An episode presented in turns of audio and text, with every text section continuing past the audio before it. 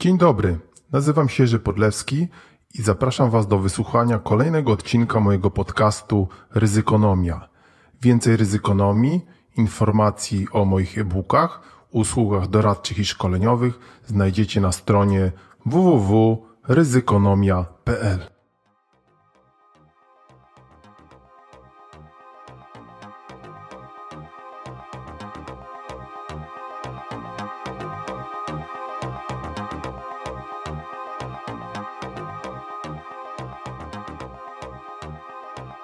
podcast Ryzykonomia. Trochę nas nie było, ale już jesteśmy.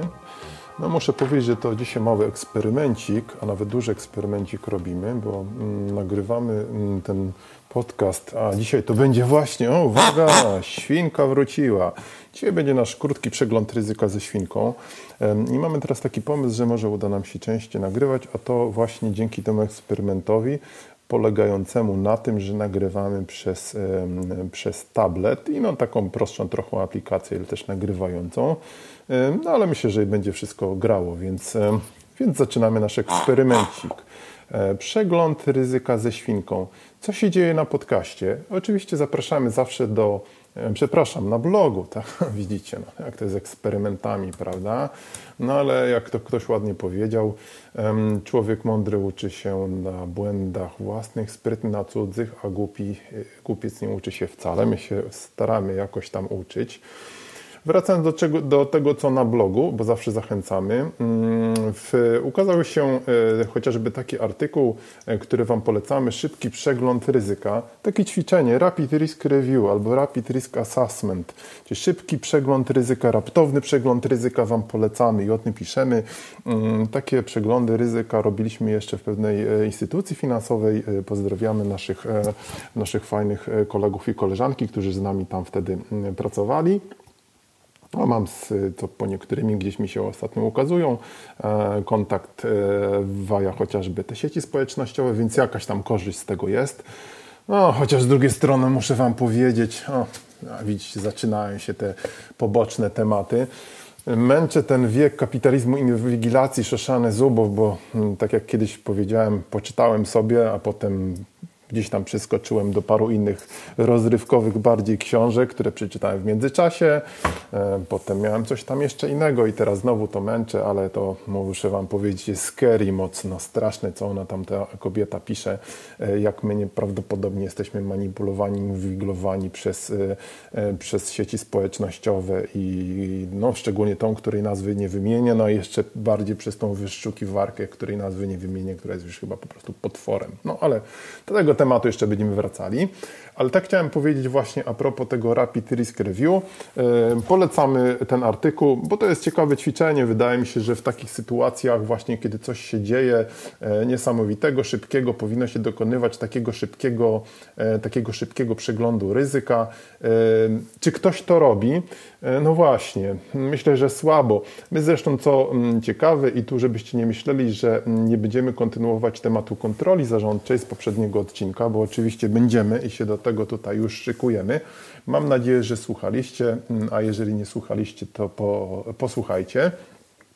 No i Między innymi tutaj cytuję właśnie e, taką, e, tak, e, taką frazę z tej kontroli zarządczej, która mówi mniej więcej tak, cytuję, że nie rzadziej niż raz w roku należy dokonać identyfikacji ryzyka. W przypadku istotnej zmiany warunków, w których funkcjonuje jednostka, należy dokonać ponownej identyfikacji ryzyka. Koniec cytatu. No i to jest właśnie trochę taka esencja tego szybkiego przeglądu ryzyka, które jak najbardziej należy należy robić. A kto to robi? Mm, no myślę, że to raczej się e, robi, robi rzadko. Ja specjalnie tego nie e, widzę w e, polskich organizacjach. A jeżeli chcecie taki bardzo dobry przykład zobaczyć szybkich przyglądów ryzyka, to ja tutaj w artykule też odnoszę się do takich Rapid Risk Review, które robi European Center for Disease Prevention and Control, czyli ten europejski, mm, europejski Sanepid. Właśnie, co nas sanepid robi? Czy to jest w ogóle jeszcze jakaś epidemiczna, epidemiczny tracking, co, kto jest chory, gdzie jest chory? Słuchajcie, nic tu się chyba już nie dzieje. No właśnie, Świnko, y, bo przegląd ryzyka ma być szybki, więc szybko sobie skoczmy do pandemii, tak? No i co my tu mamy? Wczoraj dane z strony World Meter Info. E, polecamy stronę, polecamy, fajna tabela. E, ja przerzuciłem się e, i też wcześniej oczywiście z Johna Hopkinsa, z paru innych stronek i teraz przeglądam, przeglądam sobie głównie tą tabelę, co się dzieje z pandemią. No i wczoraj patrzymy, oczywiście Indie prowadzą, no, niechlubne prowadzenie, 3000 ponad 880 śmierci, tak, zgonów, ale spójrzmy, no i zachorowań ponad 276 tysięcy. No tam jest ten indyjski wariant, który wszystkich straszy, prawda? E, straszy i on pewnie dojdzie do Europy. No nie ma, nie ma bata, prawda, świnko, no musi dojść po prostu, tak? No i w związku z tym wszyscy się rzucą teraz na wakacje e, i będzie znowu presja, prawda? Tak jak presja na franki, presja na kredyty, teraz będzie presja na wakacje. Myślę, że na wakacje można i trzeba jechać, ale na przykład y, słyszałem, że y, brytyjski Foreign Office odradza wyjazd na, za granicę na wakacje, ale oczywiście Brytoli, cała masa już gdzieś tam pod portugalskimi granicami puka, stoi. No, czyli jakoś to tam będzie, prawda? E, wydaje mi się, że to jest warte rozważenia, bo na pewno będzie czwarta fala, a u nas to już będzie na pewno. Wystarczy spojrzeć na ulicę. Foliarze wylegli na ulicę, w sklepach e, wchodzą już bez maseczek. E, no, wczoraj miałem taką sytuację nieprzyjemną, muszę Wam powiedzieć. Staram się nie reagować, ale, ale to było w małym pomieszczeniu no i zostałem oczywiście wyszydzony przez takiego prostaka i prymitywa. Wiecie co? Nie wiem. Hmm E, to pamiętacie taki serial e, Daleko od szosy, prawda? Kiedy tego głównego bohatera taki jeden mm, e, bawi damek, który startował też do jego, do jego dziewczyny, później żony tego głównego bohatera. Jak on się nazywał? Przypomnijcie mi. No i mm, właśnie zapytał się tego chłopaka ze wsi, prawda, ale w porze gościa, e, co ty studiujesz? A ten mówi kulturę i sztukę, prawda? I dlaczego kulturę i sztukę? Bo jak się widzi taką sztukę, to trudno zachować kulturę. No i to jest właśnie problem, widzicie, z foliarzami, tak? Żeby oni nawet, no, to jest zazwyczaj szyderstwo, więc będzie fala, będzie fala. Szczególnie jeżeli spojrzymy na dane, które są, wiecie, w przypadku Polski naprawdę kuriozalne, bo tego, tego inaczej nie można powiedzieć, bo zauważcie, że został wytworzony przez wszechobecną propagandę taki obraz, jakby to wszystko było w ogóle już przeszło i w ogóle nie było. Ale my jesteśmy na siódmym miejscu na świecie pod, pod względem liczby zgonów. Wczoraj 329 osób. A co zabawniejsze, przy 2344 e, rzekomo nowych przypadkach. No jeżeli porównacie mniej więcej ten sam poziom zgonów z innymi krajami, krajami, to zobaczycie, że to y, no, w Meksyku chyba tylko jest równie śmieszna sytuacja. Y, no ale na przykład w Nepalu, gdzie jest podobna liczba zgonów, powiedzmy, no mniejsza, no jest ponad 8 tysięcy przypadków. To jest, to jest po prostu, to jest kpina, wiecie, kpina, ale na rympał, prawda, ponieważ ludzi to nie interesuje, więc wszystko można im wcisnąć, y, wszystko można im wcisnąć, wszystko łykną. Moim zdaniem tych zakażonych jest kilka razy więcej, a, a w piku to było prawdopodobnie 70, 80, a może 100 tysięcy. Była masakra, ale no, jak to mówią, ciemny lud wszystko kupi. I na tym może zakończmy. W każdym razie będzie czwarta fala, więc szczepcie się. Szczepcie się. No, słuchajcie, no, da się żyć z chipem od Billa Gatesa widzicie, no ja coś tam jeszcze potrafię powiedzieć, chociaż już pewnie to wszystko idzie do centrali, e, gdzie oni tam mają. Może mnie też by zabrali, chętnie bym pojechał, jeżeli będzie możliwość, świnka pewnie też. No właśnie, oni tam aż chyba tylu świnek nie jedzą, co w Polsce, schabowe, schabowe, schabowe, tak? E, no właśnie, więc to mamy i szczepienia. No szczepienia znowu w Polsce idą bardzo słabo, tak? Chociaż to jest pewnie jakaś tam średnia europejska, ale, e, ale widzimy, że, że jest słabiej. Z tego, co e, mam informacje z Niemczech, już tam ponad 41 milionów ludzi zaszczepiono. No tam się szczepi wszystkich równo, a u nas no, dzięki chociażby temu, prawda, że te osoby z grup już dosyć wysokiego ryzyka się nie szczepią, są, jest możliwość szczepienia młodych osób. No pewnie to jest do rozważenia. No, jest to pewne wyzwanie, ale, ale wydaje mi się, że chyba powinno się szczepić młode osoby też. No, ale to jest oczywiście decyzja każdej, y, każdej, każdej osoby. Ja mam tylko taką obserwację, że ponieważ ja muszę Wam powiedzieć, że z, że z rana zazwyczaj słucham e, jakichś stacji e, typu Virgin, UK, e, London. Bo fajna muza tam leci, a ja już po prostu nie, mo nie mogę do tej Polscy słuchać, bo to straszne rzeczy się dzieją, naprawdę straszne. Słuchać nie mogę, ale słucham.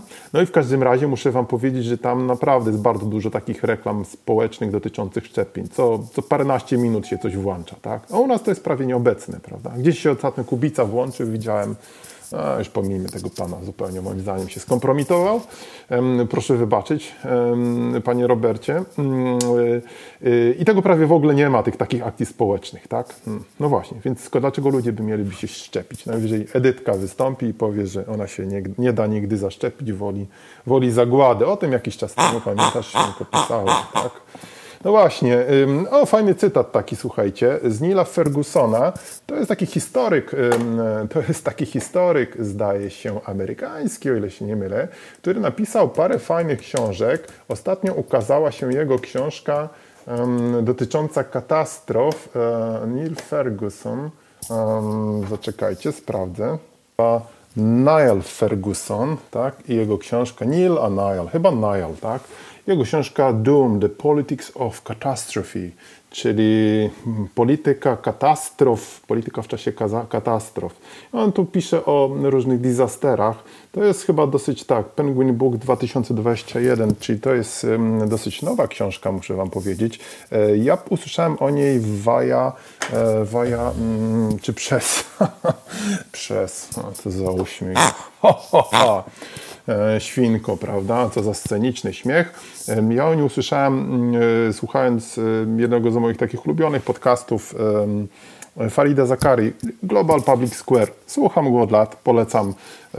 Fajni ludzie tam występują, no fajni, znaczy w sensie tacy znani i on między innymi właśnie polecał tą, tą książkę, właśnie Farid Zakaria, czyli taki znany ankor i komentator też The Washington Post. I tam fajnie taki, mm, i tam taki fajny cytat on przytacza, e, który e, z tej książki e, It's good to be genuinely paranoid. Uf Niall Ferguson zauważa też, analizując zdaje się kwestie pandemiczne tej książki jeszcze nie czytałem, to zresztą bardzo znany pisarz historyczny, ukazały się parę książek, jedna albo dwie w Polsce. Do tego jeszcze wrócę kiedyś, mam nadzieję. I ów e, Niall Ferguson zwraca uwagę, że no, te, te, państwa, gdzie, e, które miały już do czynienia z różnego rodzaju właśnie disasterami, tam gdzie podchodzą tak bardzo paranoicznie do różnego rodzaju, można powiedzieć wręcz e, zagrożeń, no to one sobie lepiej z tym poradziły. Czyli na przykład te związane gdzieś tam, gdzieś kraje Dalekiego Wschodu typu, typu Japonia, prawda, typu Korea Południowa, to są takie dosyć znane case'y, no bo oni po prostu reagowali, można powiedzieć wręcz lekko panicznie, a co ciekawe, i to jest chyba bardzo słuszna obserwacja, nawet takie kraje jak Europa, gdzie, ja nie mówię o Polsce, ale gdzie było bardzo dużo różnego rodzaju urządzeń, nazwijmy to, z zakresu zarządzania ryzykiem, no to oni mieli wiele rzeczy na papierze. Stara, stara śpiewka, ale potem jak co, to się okazało, że wielka kicha. I to jest uważam bardzo, e, bardzo, bardzo słuszna. Ja przeczytam, mam nadzieję, tą książkę. Po polsku ona nie jest, ale no to przeczytamy po angielsku chyba, prawda? Patrzy na cenę, gdzieś tam 82 zł. Zobaczymy, zobaczymy. Z kolejnych rzeczy, o których chciałem jeszcze powiedzieć, tak na szybko, e, bo powiedziałem o trzeciej fali, dzieci wróciły do szkół. No właśnie, to pewnie bardzo dobrze. Ja już też kiedyś mówiłem, że statystyki zamknięcia, można powiedzieć, polskich dzieci e, e, w ubiegłym roku były, były przerażające. My jesteśmy chyba na piątym miejscu, a nawet na pewno na świecie pod względem długości zamknięcia. W Niemczech dzieci były zamknięte w, w domach co najmniej trzy razy dłużej. To też następna taka, można powiedzieć, dziwna historia, że nikogo to nie interesuje. No ale nasza edukacja to jest dramat. Nie widzę tutaj żadnego światełka w tunelu, a po tych e, różnych talibach, którzy się pojawili, to to jest w ogóle przerażające. Ale z drugiej strony, słuchajcie, no skoro Wam się to podoba, skoro ludziom się to podoba, a niewątpliwie ludziom się to podoba, no nie wiem, czy Wam akurat, no to WhatsApp, tak? Tak będzie, będzie po lekcji. To nie jest żadna, słuchajcie, pesymizm, to jest po prostu stwierdzenie faktu, no. Pożyjemy, zobaczymy i zobaczycie. Także będzie trzecia fala. Czy wysłanie teraz dzieci do szkół od razu to był dobry pomysł? No to jest duże pytanie, pewnie i dobry. Ale znowu, chyba to się wszystko dzieje po, bez przygotowania, bo były wszystkie szkoły jednocześnie otwierane i tam było gdzie dużo zakażeń, gdzie mało. Czyli jak zwykle totalna wolna.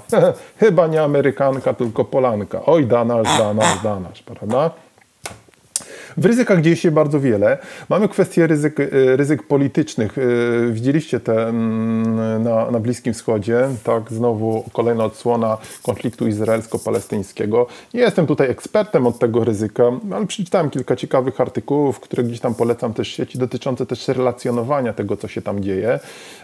No, sytuacja jest bardzo skomplikowana, bardzo wielu ludzi cierpi, ale mam wrażenie, że, no, że wiele, wiele kwestii jest opisywanych tak z góry na, na niekorzyść państwa izraelskiego. To zresztą jest bardzo ciekawa, wiecie, obserwacja, że no, ci sami ludzie, którzy nie lubią szczepionek, e, ci sami ludzie, którzy e, gdzieś tam e, mają różne poglądy, takie niby, to oni też nie lubią Izraela. Ja muszę powiedzieć, ja mam wielki podziw dla, dla, dla, dla, dla tego narodu. No właściwie dlaczego się, na, dokładnie na tej zasadzie, dlaczego my się nie uczymy, prawda? Jak sobie radzić, jak mieć taką armię, jak sobie radzić w takich sytuacjach. Właśnie, hmm? dlaczego się nie uczymy? Ale wracając do tego, o czym wspominałem, czytałem taki artykuł dotyczący właśnie relacjonowania tych wydarzeń, które, się tam, e, które tam mają miejsce i, no, i one rzeczywiście są w bardzo, delikatnie mówiąc, subiektywny sposób na niekorzyść Izraela, prawda? No, który w końcu jest ostrzeliwany tam tysiącami rakiet tych e, ruskich gradów czy jakichś ich klonów, no i gdyby nie ta e, e, żelazna kopuła sławna, no to tam byłoby setki ofiar, i może tysiące. No to co, mieć do nich od pretensje, że oni się bronią, a że strzela się jeszcze z, z, z jakichś E, meczetów, nie wiadomo, innych, e, innych private, prawda, miejsc, no to, to sorry. No. I dziennikarze o tym najwyraźniej wiedzą. Właśnie czytałem taki artykuł, ale o tym się nie mówi, prawda, no bo to jest wygodne. No. Mm, mm, abstrahując od oceny moralnej, etycznej, jak powiedziałem, nie jestem tu ekspertą, no to jak nie ma obiektywizmu, no to nie, nie będzie rozwiązania problemu. Ale z drugiej strony, wiecie, może tak głównym graczom wbrew pozorom i po jednej i drugiej stronie wcale na tym nie zależy. Tak. Jak to z ryzykami bywa, tak? No właśnie, y, to byłoby właściwie na tyle. Y, mm, kończymy y, ten nasz dzisiaj eksperyment, eksperymencik. O, jeszcze jedną rzecz, słuchajcie, no, chciałem Wam po, polecić, żeby było też jakoś mm, bawiąc uczyć. Ostatnio słuchałem, wróciłem do takiego podcastu Revisionist History, historia rewizjonistów, Malcolma Gladwella. Znacie na pewno tego pisarza, też go polecam. Ciekawy jest, on wydał ostatnio taką książkę The Bomber Mafia, ale na podcaście możecie, no która jest płatna, ale na, na, na podcaście możecie wysłuchać bodajże czterech odcinków poświęconych owej Bomber Mafii, a głównie postaci takiego amerykańskiego generała z II wojny światowej, później z wojny koreańskiej, później dowódcy dowódcy też tych wszystkich sił atomowych, Curtisa LeMaya, generał Curtis LeMay. Bardzo znana postać swoją drogą i mm, no, organizator niewątpliwy. Niewątpliwie wielki organizator, ale takich organizator, który, taki tego rodzaju, który ja zawsze no mówię, można, można czy lubić, no bo właśnie jak posłuchacie, to no, ten człowiek no, dowodził w operacjach wojskowych, które e, miał bardzo, bardzo nie, nieciekawy później wydźwięk, ale jak to żołnierze, tak? Nie zarzucam. Nie zarzucam, natomiast możecie o tym posłuchać, między innymi bombardowanie, spalenie Tokio w 1945 roku, tak? Przez e, Napalmem, jest tam też historia Napalmu, ale ciekawa, ciekawa postać. E, polecam ten podcast The Bomber Mafia e, w podcaście Revisionist History. No ale wiecie, kogo by tutaj nie polecać. Na koniec polecamy oczywiście nasz podcast Ryzykonomia. Wracamy za chwilę. Słuchajcie nas, czekajcie. Bye, bye, bye, bye, bye. Słuchajcie, no naprawdę. No to dzisiaj było.